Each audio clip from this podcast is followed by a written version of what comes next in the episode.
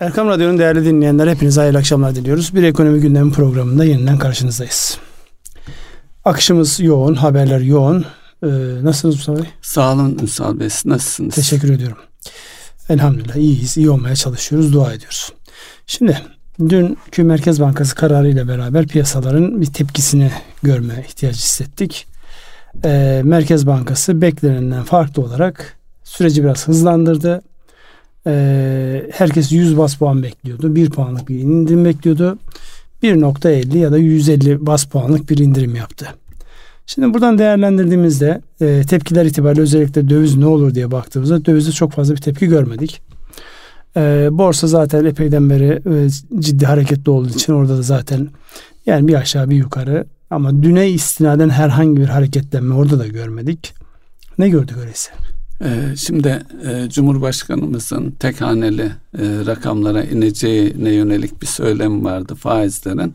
O noktada atılan bir adım e, gelecek ayda büyük bir ihtimalle 100 baz puanlık bir artışla 150 azalışla, olabilir. Yani tek haneye 9,5 ya da 9 hangisi olacağını evet, karar verecekler. dolayısıyla ve onun da orada duracağı mesajını verdi Merkez Bankası. Yani 9 ya da 9,5'a inip orada bekleyecek.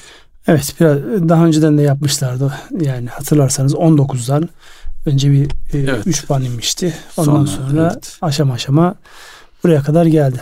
Peki piyasalar buna tepki vermiyor ya da piyasalar bu anlamda herhangi bir şey yapmıyor. Sebebi ne ola? Ya bu e, bilgi daha önceden satın alınmıştı. Zaten beklenti bu yöndeydi şeklinde yorumlayanlar da var. O da var. Ya da para politikası araçları komple devre dışı kaldığı için evet. şu an faizin kaç olduğunun Merkez e, Bankası'nın belirleyeceği politika faiz oranının kaç olduğuyla kimse ilgilenmiyor. Herkes işine bakmış durumda diyoruz. Ama geçen hafta da üzerine baskı yap, şey vurgu yaparak söylemiş olduğumuz bir şey var. Kaynağa ulaşmak inanılmaz evet. zorlaştı. Bu konuda bir şeyler söylememiz icap eder herhalde. Şimdi e, enflasyonumuz yüzde seksen üç buçuk, on buçuk Merkez Bankası e, faiz oranı. Dolayısıyla e, para piyasası araçları noktasında faiz kullanılmıyor. Onun yanı sıra özellikle bankalara bankaların kredi kullandırımıyla ilgili çok sıkı uygulamalar var. Yani bankalar e, kredi kullandırımına göre e, onun karşılığında belli e, skalalar var, oranlar var. O oranlar çerçevesinde hazine bonusu tutmakla e, zorunlu hale getirildiler. E, enteresan bir şekilde de neredeyse e, Türk lirası bono faizlerine e, Eurobond faizlerine baktığımız zaman neredeyse dolar e, devletin dolar borçlanması TL borçlanmasından daha yüksek bir orana tekabül hale geldi. Bu da e, enteresan bir gelişme. Ne dersiniz? Ya zaten şu an kuru e, sabitte tutabilmek açısından şu an 18 işte 50 60 bandında neredeyse sabitlendi gibi. E, bu sabitlenme piyasanın e, oluşturduğu bir fiyatlama mıdır? Yoksa e, Merkez Bankası'nın ya da hazinenin müdahaleleriyle mi oluyor diye sorduğumuzda müdahalelerin olduğu Müdahaleler, gün gibi ortada. Evet. Demek ki burada şöyle bir şey var. Geçen sene e, 20 Aralık'ta ortaya çıkan durum yani 18'lerin üzerine çıkan kur sonra 11'lere kadar geri geldi. Sonra yaşanan süreçte tekrar 18'lerin üzerine geldi. Buralarda kalması işte ihracatın geliştirilmesi açısından e, yurt dışından borçlanmaların daha fazla yük olmaması açısından denge noktası olarak algılanıyor. Dolayısıyla denge noktasının burada görüldüğü bir yapıda e, yani eğer kur burada e, kabul edilmişse e, ona diyecek çok fazla bir şey yok. Sadece bunun yansımalarına bakmak lazım. Dediğim gibi buradaki temel sıkıntı evet işimiz gelişiyor, ticaretimiz gelişiyor. Rakamsal anlamda baktığımızda büyüme rakamları var. İşletmeler tarafına baktığımızda o büyüme rakamlarını ki e, son dönemde yapılan açıklamalarda şu da görülüyor. Sektörel bazı bazı daralmalar olacak. O daralmaların rahatlatılması açısından bazı tedbirler açıklanacak e, söylemine girildi. Şimdi herkes o söylem peşinde. Ne yapılacak sorusu. E, şu an temel itibariyle baktığımızda e, borçlanma ile alakalı yük tamamen bankalara kaymış vaziyette. Yani nedir o? Kredi kullandıracaksan devlete borç ver. Yani sadece kredi kullandırma bir kısmında devlete ver. Evet. Hangi orandan ver? Politika faiz oranının baz alındığı düşük orandan ver. Evet. Dolayısıyla bu da bankacılığın karlarının üzerinde de etki yapacak. Hareket alanı üzerinde de etki yapacak ama şu bir realite uzun zamandan beri yani daha eskiden görmediğimiz bir uygulamayı görüyoruz. Kullandırılan kredinin bir miktara kadar da devlete borç verme zorunluluğu ve düşük fiyattan borç verme zorunluluğu. Değişik bir politika. Hep beraber evet. göreceğiz. Bankacılığın karları herhalde çok yüksek çok yüksek denince çok kar ettiniz ama bankalar ama kar eder yani şey yok. sermaye e, karlılığı açısından bakınca da e, aşağı doğru gidiyor. Yani özellikle e, enflasyon muhasebesini uygulayacak bir banka var. Onun sonuçları merakla bekleniyor ne çıkacak diye. E, enflasyon muhasebesine geçiş bir zorunluluk haline geldi mi? Ne dersiniz? Yani zorunluluk haline gelebilmesi için e, henüz daha yani yılı deviren büyük oranlı hiper enflasyon dediğimiz uygulamayı hükümetin kabul etmesi gerekiyor. Hükümet şu an e, o kabulde olmadığı için zaten e, ne deniyor? Baz etkisiyle sene sonunda bu oran işte 60'lara çekilecek deniyor. Çekilecek. Piyasa 70-72'ler seviyesinde oluşur diye bir tahminde bulunuyor. Fark etmiyor yani 60 ile 70 arasında bu anlamda bir fark yok. Önemli olan bu 60'ın ya da 70'in hiper enflasyon olarak kabul edilip edilmediği buna uygun da enflasyon muhasebesine geçme. Şuradan geçmeyebilirler. Daha önceden de biz konuşmuştuk. Ee, enflasyonun yüksek olduğu dönemlerde e, bu işten karlı çıkan devletler olur. Şu an baktığınızda e, vergi yükünde herhangi bir hafifleme yok. Tam tersine fiyatlar yukarı gittiği için onların üzerinden alınan e, KDV başta olmak üzere dolaylı vergilerin tamamının rakamlar yukarı gidiyor. Bu da bütçe denkliği açısından hükümetlerin arayıp da bulamadığı bir görüntü. Dolayısıyla oradan vazgeçeceklerini düşünmüyorum. Vazgeçmiyor da zaten kimse. Ee, onun için enflasyonun yüksek olması, enflasyon muhasebesinin uygulanmıyor olması e, nispeten kamunun işine gelen bir başlık ve olabildiğince öteleyeceklerdir bence onu. Uygulamayacak yani. Evet, dört gözle beklenen e, özellikle firmalar rahatlatacak işletme sermayesi açığa had safhada e, ve bankalardan da kredi temini oldukça zorlaşmış durumda ve sürelerde neredeyse e, üç ayı geçmiyor, bir ay üç ay arasında e, bir oran var. Hele hele yeni kredi ihtiyacı olup da başvuranların e, krediye ulaşma şansı çok az. E, bu da e, sanki tedarikçiler nezdinde bir ödeme sıkıntısını başlattı gibi görünüyor. Bu firmalarda ciddi bir sıkıntı doğurur mu? Tabi tedarikte zaten e, tedarik zincirindeki küresel ölçekte yaşanan bir kriz var. Henüz daha o etkileri onarılmış değil. Bunun yanı sıra finansmana dayalı olarak da tedarik noktasında e, finansal sıkıntı üzerine eklenirse e, şu anda özellikle e, büyümeye yönelik beklentiler törpülenebilir mi? Üretim süreçlerinde aksamalar e, artabilir mi? Şimdi e, artabilir mi? Bunun etkileri var zaten dediğim gibi yani en üst seviyede e, yani Cumhurbaşkanı nezdinde sektörel anlamda e, daralmaların oldu. Belli sektörlerde daralmaların oldu. Biraz daha genele yayılmaya başladı. Şimdi e, rakamlara üzerinden gidecek olursak şu an sizinle konuşurken Bankacılık Düzenleme Denetleme Kurumu'nun e, kurumunun yayınlamış olduğu rakamlara bakıyorum. Mesela daha önceden e, mevduatın krediye dönüşme oranı açısından baktığımızda mevduat daha az, kredi daha yüksekti. Evet. Nasıl oluyor bu? E, bankalar toplamış oldukları mevduata ilave olarak yurt dışından borçlanıyorlar. Kendi öz kaynaklarını koyuyorlar ve kredi olarak veriyorlardı. Şimdi e, buraya baktığımızda şu an e, yani 7.7 trilyon TL karşılığında 6.8 krediler var. Yani eskiden mevduatın daha aşağıda, kredilerin daha yukarıda olduğu yerde şu an yüzde 15'e yakın e, oranla bir e, kredi mevduat ilişkisi var. Yani mevduatın krediye dönüşme oranında azalma var. Buna karşılık menkul değerlerde yani hazine bonosu devlet tahvilinde artış var.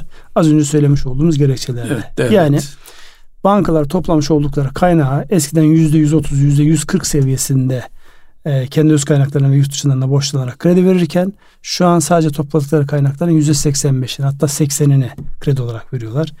E, rakamlara baktığımızda. Bu zaten bas bas bağırıyor. Diyor ki e, piyasanın ihtiyaç duyduğu kaynağı bankacılık sistemi şu an mevcut üretemiyor. Nasıl telafi ediyordu bunu? Merkez Bankası kaynaklarından yani para basarak yapıyorduk. Merkez Bankası bilançosunu büyütüyorsunuz, piyasaya para veriyorsunuz. Repodan ya da yani reponun anlamı şu. Senin elindeki hazine bonosu devlet tahvilini alıyorum, sana para veriyorum. Kaç günlüğüne? Üç günlüğüne geçici bir hafta. Olarak. Geçici olarak. Bununla piyasa çevriliyordu. E, şu an geldiğimiz noktada eğer insanlar e, işletmeler kaynağı ulaşamıyorsa demek ki burada ciddi bir daralma var. E, bu daralmanın önümüzdeki günlerde de devam edeceği. Piyasada Ocak ayına kadar bu devam eder. Ocak ayında seçim e, atmosferine girildiğinde bir genişleme olur. Dendi hatta geçen hafta hatırlarsanız bir 100 milyar liralık bir özellikle küçük işletmelere yönelik evet. esnafa yönelik bir çalışma vardı. Bunların arkasının gelmesi bekleniyor. Bir taraftan da bütçe e, görüşmeleri başladı. Oradaki e, rakamlar ortaya çıkmaya başladı. Hedeflenen bütçe açığı nedir ve bunu nasıl karşılanacağı ile alakalı, kapatılacağı ile alakalı. Hangi bütçe kaleminin ne olacağı hatırlarsanız en büyük kalem eğitime daha önceden savunma sanayine evet. verilirken şimdi eğitim en öncelikli bütçe kalemi haline geldi. Orası daha tartışmaya devam edecek. Biz de bu rakamlara bakarak e, kendimizi yorumlamaya devam edeceğiz. Buyurunuz. Evet. Ee, peki bu arada bir yurt dışına bakmakta yarar var sanırım.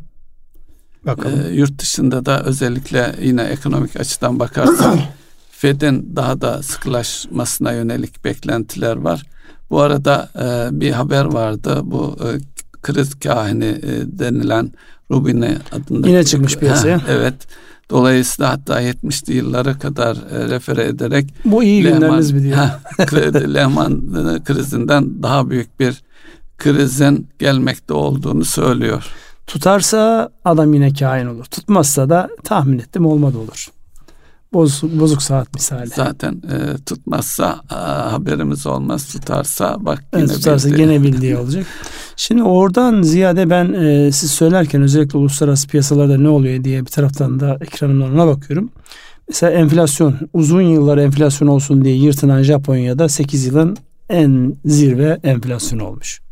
Amerikan e, 10 yıllık e, tahvillerin e, borçlanma oranları, faizleri tavan bir noktaya gelmiş. Fakat öbür taraftan da mal piyasalarına bakıyorum. Burası çok önemli çünkü bizim açımızdan. Mal piyasalarında yani birkaç gündür belirgin bir aşağı doğru geliş var. Yani ham petrol, brent, doğalgaz, benzin, altın, gümüş, bakır, soya fasulye yani yukarıdan aşağı listeye bakıyorum. Buğday bunların hepsinde aşağı doğru geliş var. Fiyatları diyorsunuz. Fiyatlar aşağı doğru geliyor. Öbür taraftan enteresandır. Kömür fiyatları yukarı gidiyor. yani bu şu anlama geliyor. E, unutulan e, hatta e, bir sürü olumsuz laf edilen çevreyi kirletiyor denen kömüre bir iltifat, bir e, temayül başlamış. O da oradaki fiyatları yukarı çekiyor. Asıl e, dikkat çeken hafta içerisinde dikkat çeken başlıklardan bir tanesi şu oldu. E, Çin Devlet Başkanı Xi Jinping'in e, konutlar e, spekülasyon yapmak için değildir ihtiyaç içindir, yaşamak içindir. Dolayısıyla spekülasyon amaçlı konut yapmaktan vazgeçin ve biz bununla mücadele edeceğiz gibi bir açıklama yaptı. Başta demir cevher olmak üzere demir çelik fiyatlarında bir gerileme oldu. Özellikle e, demir fiyatlarında. Yani önemli yüzdesel anlamda baktığımızda önemli gerilemeler var. Yani bir ekonominin özellikle Çin gibi büyük bir ekonominin e, sözlü olarak sözü bile söyleyişi bile e, olayı değiştiriyor. Onun için Rubin'in söylediği doğru mu olur yanlış mı olur onu bilmiyorum. Fakat günlük hareketlere baktığımızda mesela şu an e, baktığımda demir cevherinde yüzde ikilik düşüş var. E, belli yerlerde yüzde üçlük dörtlük düşüşler var yani az önce saymış olduğumuz ham maddelerde. E, bu oynaklık e, devam ediyor yani stabil bir dönemde değiliz onu söylemeye çalışıyorum. Şimdi kömür fiyatları yukarı gidiyor dediniz. Bu arada Rusya'nın bir açıklaması vardı. Kömür fiyatlarının kendi kömür fiyatlarının yüzde 50-60 e, civarında aşağıya geldi. Petrolü de e, varil başına 20-30 dolar indirimle sattıkları yönünde. Ve Rusya'nın özellikle yıl başından itibaren de özellikle petrol e, noktasındaki Rusya'ya yönelik yaptırımlar da devreye girecek. Bu arada işte Rusya'dan temin eden, petrol temin edenler ne yapacaklar? Bunlar içerisinde bizim de ülke olarak Rusya'dan ciddi miktarda petrol temin ettiğimiz e, söz konusu. Tabii e, şey de var bu en büyük e, şeyde Hindistan biliyorsunuz. Evet biliyorum. Şimdi siz onu söylerken ben kömür fiyatlarının grafiğine baktım. Ee, elimde 3 Ocak yani bir yıllık bir perspektifte bakayım dedim. 3 Ocak 2022'de yani yıla başladığımızda 170 dolar seviyesinde olan kömür fiyatları 450 dolara kadar çıkmış. Şu an 391 dolar seviyesinde. Yani e, henüz daha yıl tamamlanmadan, yılı tamamlanmadan e, o Şubat ayında mı e, Rusya'nın Ukrayna'ya girişi? Şubat'ta evet Şubat'ta. Yani Şubat'a bakacak olursak e, Şubat'ta da 200 dolarlar seviyesindeymiş. 200 doların biraz üzerinde ikiye katlamış. Hatta iki katının bile üzerine çıkmış. Dolayısıyla yani dünya her adımda bir e, şekilde bunu karşılık veriyor. Türkiye bu anlamda ne olur diye sabahleyin bir görüşmem vardı. Rusya ile çalışıyorlar ve ödeme ruble olarak gelmiş. Ee, yani bu demek ki bankacılık sisteminde Rusya ile olan ilişkilerimizde bu ciddi bir bağlantı anlamına geliyor. Evet.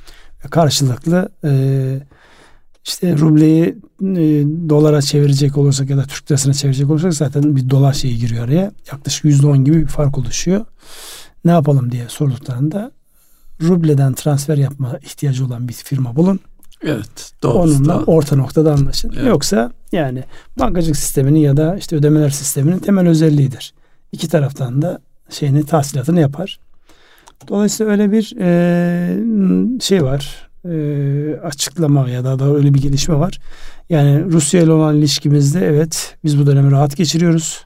Petrol fiyatlarında da ruble üzerinden yapılıyor olmaktan dolayı herhalde bir avantajımız evet, olacaktır. E, diğer e, gaz ödemelerinde yüzde 25 ruble ödemesi e, başladı söz konusu. Bu arada e, yine e, Cumhurbaşkanlığı e, sözcüsünün bir açıklaması vardı. E, gaz e, Gazprom Bank'la görüşüldü ve e, bu yılın gaz ödemelerinin 2024 yılına e, ertelenmesi yönünde görüşmelerin sürdü. Dolayısıyla bu da özellikle ödemeler dengesi aç, açısından cari açığın finanse edilmesi açısından önemli bir husus. Herhalde Şimdi, anlaşmayla sonuçlanır büyük ihtimalle. Sonuçlanır büyük ihtimalle. Çünkü burada e, belli mesafe kat etmeden e, kimse hareket etmiyor. Yani e, Türkiye'nin bu dönemde özellikle bu e, büyüyen cari açığa rağmen bunun finansmanı konusunda şu ana kadar gösterilen performansın oldukça iyi oldu. Her ne kadar net hata noksan kalemi dediğimiz yani kaynağı bilinmeyen ya da bankacılık sisteminden gelmediği için bu ifade kullanılıyor. O yükselse dahi e, özünde burada bir karşılama söz konusu. Bundan sonra bunun devamıyla alakalı da bizim gördüğümüzü daha doğrusu herkesin gördüğünü yönetenler de görüyordur. Muhtemelen bütün ilişkilerde bunlara da dikkat ediliyordur. Yani siz bunu söylerken gözüm bir şekilde biraz da böyle cümlelerin kopup kopup gelmesinin sebebi bir yıllık dönemdeki bütün mal fiyatlarına bakıyorum. Mesela enteresan doğalgaz bir yıllık zaman içerisinde artmamış aslında. Yani geçen sene pik yapmış. Neredeyse geçen seneki seviyelerinde duruyor. Ama ona alternatif olarak baktığımızda kömür yıllık olarak baktığımızda yüzde yetmiş bir. Kalorifer yakıtı yüzde kırk yedi artmış. Yani insanlar ısınma noktasında e, daha klasik dediğimiz işte çevreyi kirlettiği söylenen vazgeçildiği söylenen yakıtlara doğru bir e, kayma olmuş. Yani Bilmiyorum. Avrupa e, bu enerji ihtiyacını bir yolla kışa hazırlık için karşılamış gibi görünüyor. Doğalgaz depolarını doldurdular. Almanya üç nükleer santralini kapatacaktı, vazgeçti, uzattı. Ee, insanlara işte ormandan ağaç kesmeyi falan öğretiyorlarmış. Magazin noktasında da böyle haberler e, yayılıyor bir taraftan da. Tabii. Ama bir gerçek. Vahşi kesim olmasın diye herhalde dallarına budayamıyorlardır. E, herhalde o da kolay bir iş değil bilmiyorum. Hiç denediniz mi? Ağaç kesmeyi falan veya odun kırmayı e, falan. E, yani el testeresiyle kesmiyorlardı muhtemelen. Ele, e, elektrikli testereler. Elektrikli Orada da bir problem yok. Veya yani. motorlu, motorlu testereler, testereler falan doğru artık. Yani teknoloji değiştiği için yani orada aslında baktığınızda ben de zaman zaman düşünmüyor değilim. Yani bizde mesela e, ormanlar özellikle yani kendiliğinden büyümüş olan ormanlarda bu anlamda ekonomik olarak yeterince iyi değerlendirilmediği kanaatindeyim. Yani bu dansa ya da gözden geçirilse ciddi bir ekonomik katkı sağlanacakken ya kendi haline bırakıldığı için bir de yasak yani orman orman evet. kanunu diye bir kavram var. Yani oranın yeterince efektif olmadığı kanaatindeyim ben. Yani adı genel müdürlük olan bir orman genel müdürlüğümüz var. Ekonomik anlamda ülkenin ürettiği kimseye e, şey anlamda sıkıntı o kesilip dağıtılanlar işte oradan e, ihale edilenler var ama onun haricinde ıslah edilmediği için yararlanamayan ciddi bir ekonomik boyut da var. Yani onu da bir satır arasında söylemiş olalım. Evet başlıklarımıza devam edelim isterseniz. Başka hangi başlıkları konuşalım? Ee, Zamanda hızla. Enflasyonu e, değindik. E, kredilerle ilgili sorunları, petrole kısmen değindik. Burada az önce söylediğinizde ben notlarımda gördüm de Rusya ile olan ticaretimizin artmasında Amerika'nın yavaş yavaş üzerimizde ciddi baskısı olmaya başladı. Evet. Yani bu çok net bir şekilde görünüyor. Özellikle ya bugün medyaya da yansımıştı. Amerika Birleşik Devletleri'nin heyetler gelip e, işte ne yapıyorsunuz siz o işi biraz daha sıkılayacaklar gibi gözüküyor. Burada acaba ben size o soruyu sorayım. Türkiye'yi ambargoyla ilişkiler noktasında sıkacak gelecek bir şeye girer mi? Hele bir de geçen hafta Putin'in yapmış olduğu açıklamalar yani Türkiye'yi gaz koridoru gaz koridoru değil gaz merkezi. Gaz merkezi. Ticaretin merkezi. Çünkü Türkiye'nin yapmış olduğu şey şu geçiş yapacaksan eksik kalsın. Yani hepimizin aslında sergilememiz gereken tavır. Yani sadece bizim üzerimizden geçeceksen Gerek almayalım. teşekkür yani, ederim. evet. Ama biz bunun fiyatını belirleyecek. Buradan bize bir katma değer oluşacaksa tabii seve seve oturup değerlendiririz diyoruz. Fakat Amerika ne yapıyorsunuz diye. Ee, burada tabii e, işin politikası e, önemli. Amerika mutlaka bizi sıkıştıracaktır. Şimdi e, bu iş özellikle başta Almanya olmak üzere tüm Avrupa'yı sıkıştırıyor. Dolayısıyla e, onlarla birlikte hareket etmenin bir yolunu bulabilirsek e, Amerika'nın şeyini savuşturabiliriz diye düşünüyorum. Bir daha onu bir biraz daha açar mısınız yani orada? Yani şu anda bu e, doğal gaz bazlı krizde en fazla zarar gören e, Avrupa. Yani Avrupa'daki resesyonun tetikleyici nedenlerinden bir tanesi de hatta başlıcası enerji fiyatlarındaki artış nedeniyle üretim maliyetleri arttı. Tüm maliyetleri hane halkına kadar da yansıyan e, sıkıntılar var. Dolayısıyla tetikleyen bu savaşta başlayan bir süreç. Dolayısıyla bu işten e, zarar gören, doğrudan zarar gören Avrupa. Amerika'ya baktığımız zaman zaten kendine yetecek kadar bir e, şey enerjisi e, daha önce petrol ithal ederken şu anda tam tersine hem petrol hem gaz ihraç edebilecek bir konuma gelmiş tuzu kuru. Dolayısıyla bu iş Avrupa'yı e, etkiliyor ve cezalandırıyor. Dolayısıyla Avrupa'nın bir noktada gaza ulaşması gerekir. Hatta Avrupa'nın artık bu saatten sonra e, çok taraflı e, gaz ihtiyacını karşılaması gerekir. Yani Almanya mesela ikinci kuzey hattı sadece Almanya'ya hitap edecek şekilde büyük bir yatırım idi. E, dolayısıyla ikisi birden çökmüş durumda şu anda. Yani artık Avrupa'nın Rusya'dan doğal gaz e, alma şey imkanları neredeyse ortadan kalkmış gibi. Çeşitli kaynaklar var ama bu kaynaklar içerisinde çeşitlilik açısından mutlaka Ruslarla da bir yolla anlaşmaları gerekir diye düşünüyorum. Orada bizim rol oynayabiliriz çünkü hem e, Azerbaycan ve e, Türkiye Cumhuriyetlerden, İran'dan ve e, çıktığı zaman Doğu Akdeniz'den gelecek gazla, gazları da burada birleştirip satmak mümkün. Şimdi o e, mümkün fakat e, özellikle o haberin biraz detayına daha baktım. Yani notlarımda vardı. Mesela Türk tırlarına ciddi bir e, tarife dışı sıkılaştırma geliyor. Avrupa'da mı? Avrupa ve Amerika'dan. Onun ötesinde aslında Türkiye'nin e, yani gazetenin haberindeki nota bakıyorum şimdi. Yani Türkiye ile e, Rusya arasındaki ilişki geçtiğimiz 8-9 aylık ilişkide 5 milyar dolarlık mal satmışız. Karşılığında 45 milyar dolarlık mal almışız. Şimdi biz haklı olarak bu açı bir şekilde kapatmamız evet. lazım. Bu 45 milyar doların sebebi belli yani. Gaz, Gaz. petrol, işte diğer ham maddeler yani evet. oradan aldığımız başta Çelik e, vesaire. Yani onların ham evet. maddeleri cevher, cevher değil daha çok hurda geliyordu eskiden. Cevherden işleme yapan e, şeylerimiz sınırlı zaten belli onlar. Şimdi burada bu kadar açık varken yani 5 milyarlık mal satıyoruz 45 milyarlık mal alıyoruz 40 milyar bir şekilde telafi etmemiz lazım. En büyük rahatsızlık duydukları şeylerden bir tanesi son 8 ayda Türkiye'de açılan e, Rus firmalarının sayısı 4'e katlamış. Bunu daha önceki o e, mektuplar göndermişti işte iş adamları e, sivil toplum kuruluşlarına. Evet, TÜSİAD'a falan. TÜSİAD'a, MÜSİAD'a hepsine göndermişler. Şimdi fiili ziyaretlere başlamışlar. Ve lojistik üzerinden de gizli yaptırımlar konusu gündeme geldi diye gazetenin haberi var. Mesela çok önemli bir gelişme Türkiye açısından. Evet. Yani şu ana kadar nispeten rahat bir hareket alanımız vardı. Bu hareket alanını fiili olarak, olarak daraltacak bir adımdır bu. Bunu da e, gözden kaçırmamak icap eder. Tamam bu notumuzu da aktarmış olalım. Ee, başka ne diyeceğiz? Sizin gündeminizde özellikle veriler açıklandı. Açıklanan veri var mı? Açıklanan veriler var. Buyurunuz. Ee, onları ifade edelim. Ee, hane halkı turizm geliri, e, hane halkı turizm hareketleri var. Ee, tüketici güven endeksi var.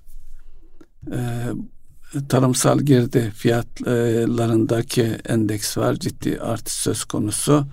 E, yurt dışı fiyat endeksi var. E, araştırma geliştirmeye olan e, harcamalar var. Burada en önemlisinden başlayacak olursak tüketici güven endeksi 72.4'ten e, 76.2'ye yükselmiş durumda.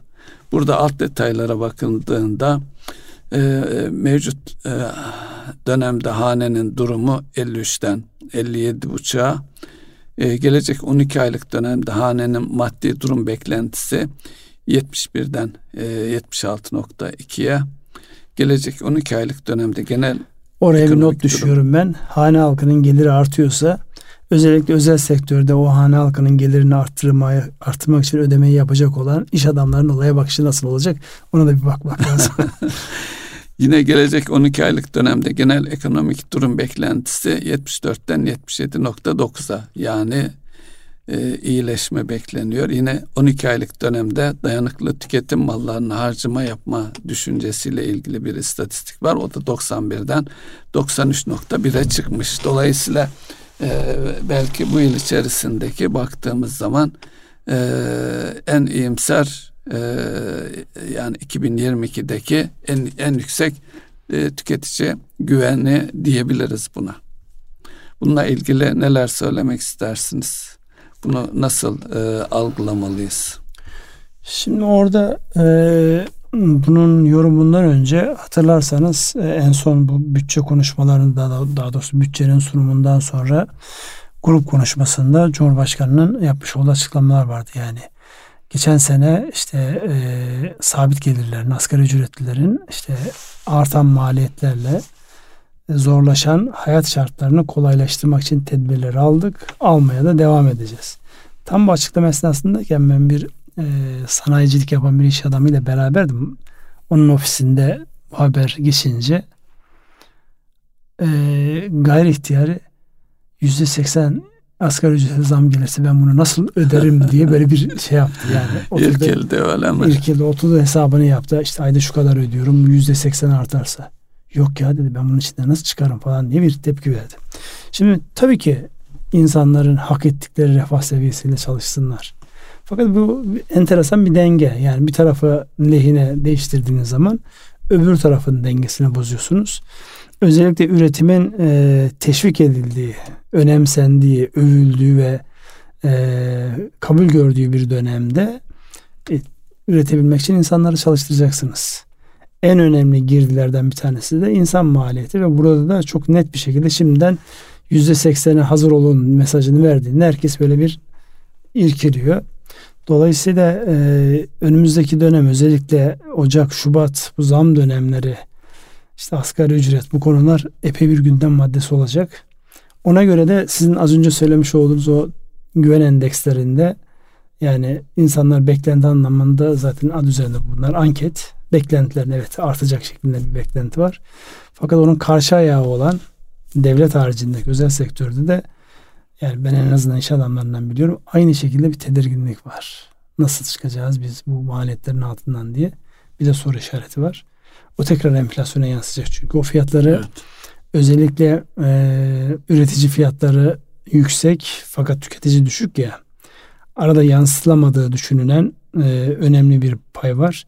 Onun daha da açılacağı ile alakalı bir endişe taşınıyor. Ben de sizin yapmış olduğunuz zaten rakamlar ne söylersiniz cevabı orada var.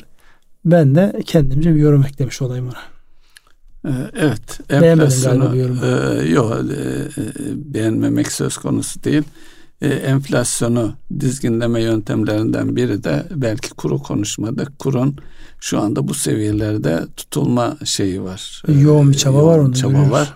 Dolayısıyla o çabanın yani önümüzdeki dönemde e, şu olursa eğer e, resesyon e, fiyatlardaki yani dünya genel e, ham madde fiyatlarındaki geri geliş e, bizim taraftaki e, istihdamı ve büyümeyi teşvik eden bir politika enflasyondan öncelenerek yürütüldüğü e, de görülüyor.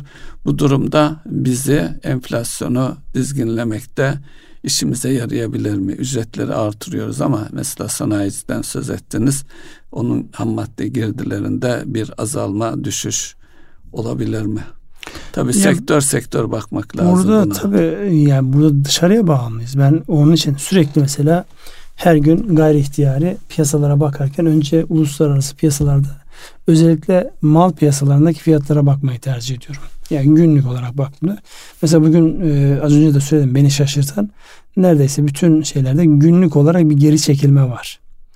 Fakat e, uzun soluklu baktığımızda da yani bizim mesela en yoğun kullandığımız işte alüminyum gibi, demir gibi bunlarda yıllık bazda evet mesela demir cevherinde %22'lik e, geri çekilme olmuş yıllık bazda baktığımızda.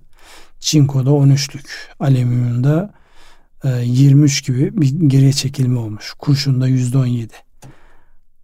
Şimdi hangi fiyattan nereye gitti? Oradan nasıl geri geldi sorusuna baktığımızda buraya baktığında evet enflasyonla alakalı ham madde girdilerinde e, doları eğer sabit tutabilirsek, dövizi sabit tutabilirsek bir gerileme var ve biz bundan yararlanabiliriz. Bunun da etkisi olacaktır enflasyonun geri çekilmesinde. Fakat hem e, ham maddenin kendisinde hem de bunu alacak olan para biriminde dışarıya bağımlıysanız bir tanesinin ucu kaçtığı zaman kontrol edemiyorsunuz. Ki şu an sizin söylediğiniz en önemli şey dövizin kontrol altında tutulabilmesi. Onun için de görebildiğim kadarıyla ellerinden gelen bütün e, gayreti gösteriyorlar. Fakat e, bir taraftan da rezervlere baktığımızda da orada da e, swaplara çıktığımızda çok durum şey değil yani. Hani lehimize çok söz söyleyecek durumda değiliz. Onu telafi edecek gelişmeler yok mu? Evet var. Özellikle e, turizm sezonunu e, dört mevsime yayacak gelişmeler oluyor. Avrupa'daki bu e, enerji sıkıntısı, ısınma problemi yani kışın niye biz turizm yapamıyoruz, turizmimiz niye çalışmıyor sorusunun cevabı olabilecek gibi bazı işaretler taşıyor. Oldu mu? Henüz daha işte bağlantılar yapılıyor. Göreceğiz onu. Evet. Ee, bir diğer e, istatistik tarım geride fiyatlarının istatistiği yüzde yüz otuz beş virgül sıfır altı. Yani çok e, ciddi bir tarımsal e, girdilerde işte ilacı, gübresi vesairesi ciddi yükselme söz konusu. E, bunun tarıma olan yansıması şimdi tarım söz konusu olduğunda sürekli bir şey talebi e, söz konusu oluyor, destek talebi. E, bu e, alt kademlere kalemlere baktığımızda da yüzde 234 ile gübre e, söz konusu artışta. Hatta Cumhurbaşkanımızın da bir söylemi vardı. Özellikle Rusya'daki Rusya'dan gübre temin edilemediği takdirde sadece bizim için değil dünya için tarımda ciddi bir üretim gerilemesinin olacağı bunu da tüm dünyayı etkileyeceği yönünde ki zaten yüzde 234 çok yüksek bir şey. Enerji de yüzde 184 e, bina bakım masrafları yani e, hepsi peş peşe geliyor. Burada en az e, harcama yine daha önce de gündeme getirmiştik. E, enflasyona en geriden tepki veren hizmet sektörüdür. Yüzde otuz ile veteriner harcamaları yani bu enflasyon seviyesinde veterinerler ücretlerini hizmet karşılığı gelirlerini yüzde otuz altı artırmışlar. Onun dışındaki diğer mal ve hizmetler kalemde yüzde altmış iki olarak görünüyor. Tohumlar yüzde altmış altıda kalmış. Ee, makinalar yine altında kalanlar tarımsal ilaçlar e, gibi e, kalemler. Ama hayvan yemi ortalamanın üzerinde bir taraftan da tarımı, tarım hayvancılık birlikte değerlendirdiğimiz zaman tarımla konuşmaya e, sürekli devam ediyor olacağız. Şimdi geçen gün bununla alakalı bir e, televizyon programında dikkatimi çekmişti. Sonra istatistiklere baktım. Yani belli e, endüstriyel tarım ürünleri dediğimiz pamuk gibi bazı ürünlerde e, hem e, rekoltede ekilen alanlarda artış var hem de alınan verimde artışlar var.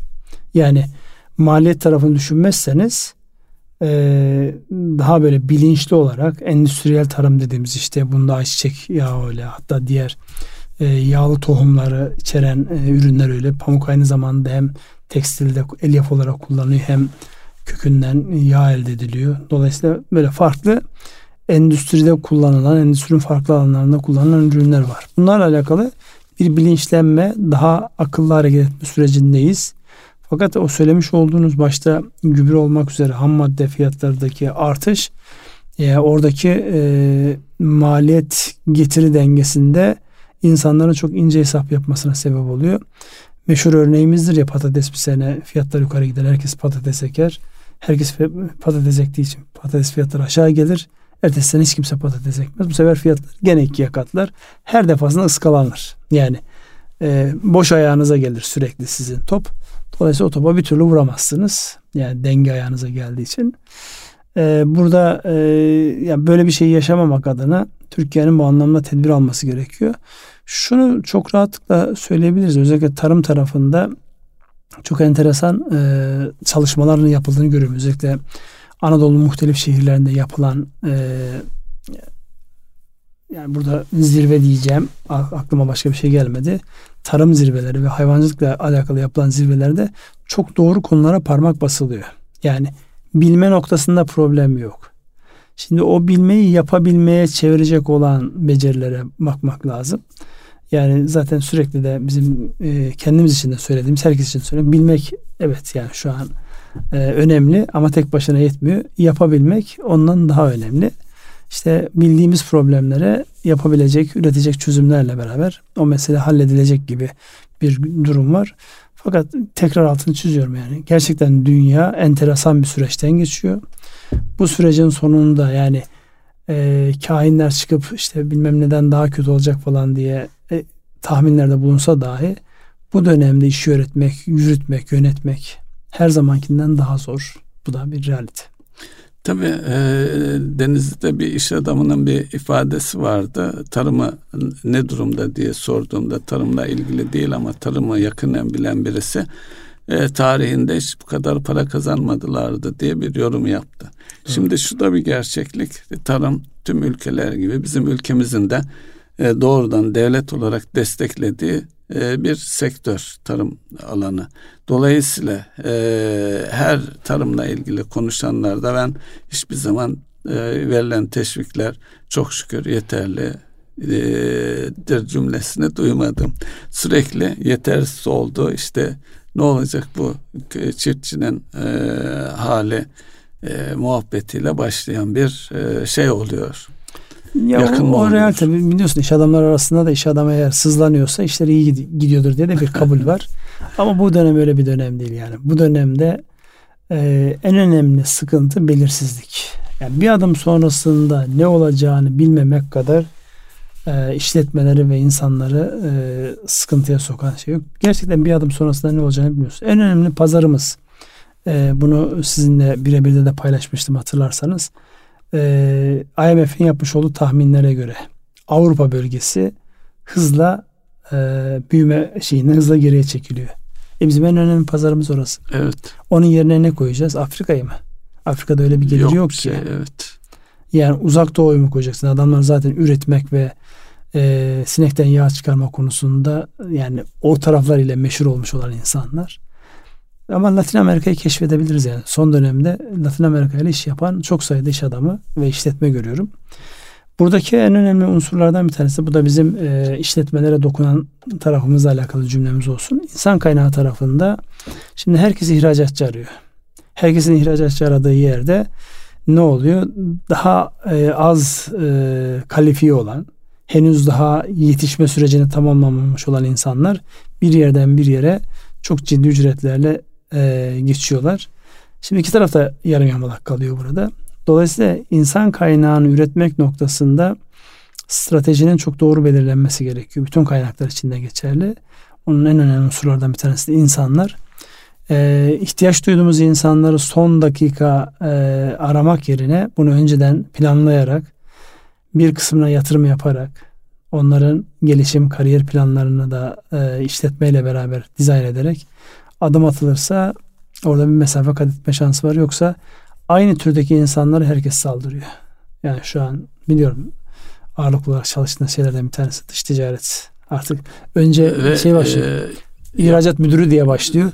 Ya anlasın da analizi, anlasın da ne olursa olsun diye noktasına kadar geliyor. Evet.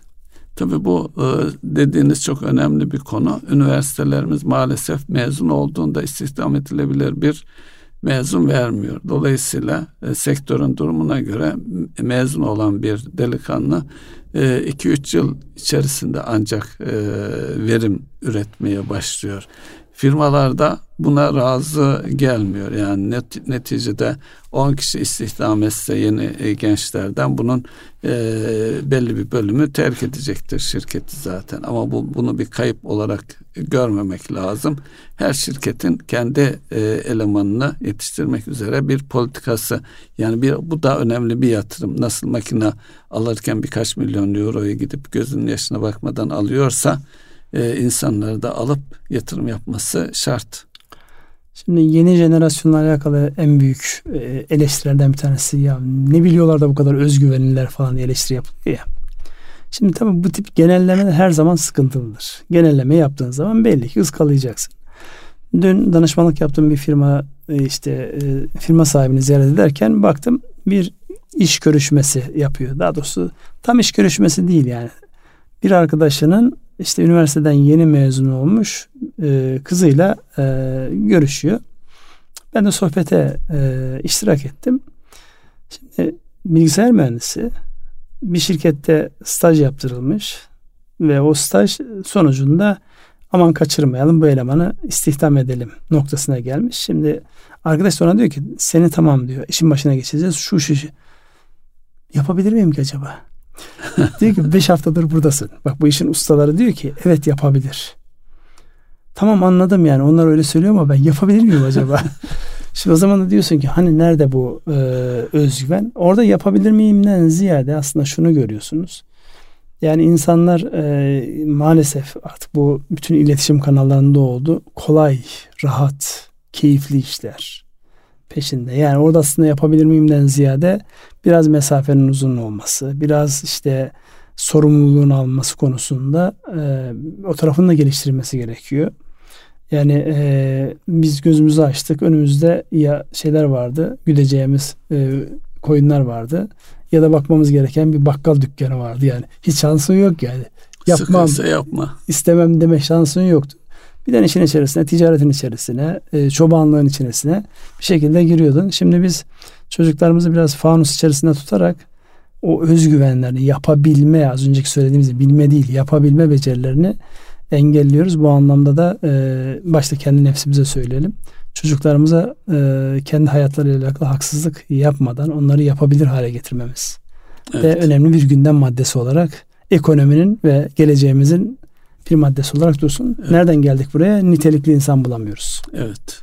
Çok ciddi bir açık. Önümüzdeki dönemde de yani geleceğin trendleri, makro trendler anlamında baktığımızda en önemli problemlerden bir tanesi yetişmiş kalifiye insan tedariki konusunda bütün işletmeler sıkıntı çekecek. Herkes teknoloji üretmiyor. Herkes yazılımcı, çizilimci oralara bakmıyor. Sıradan işleri kim yapacak? Onlar için de kalifiye insanlara ihtiyaç var. Evet. Bazen gençlere yüklenirken işte şaşırıyorlar niye bu kadar ediyorum bizim emekli maaşını kim verecek siz vereceksiniz. evet. Evet süremizin sonuna geldik. Ee, var mı aktaracağınız? Ee, artık süremiz olduğu için yapacak bir şey tamam. yok.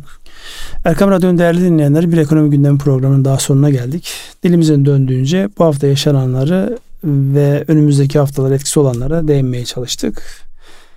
Hayırlı akşamlar diliyoruz. Hayırlı akşamlar.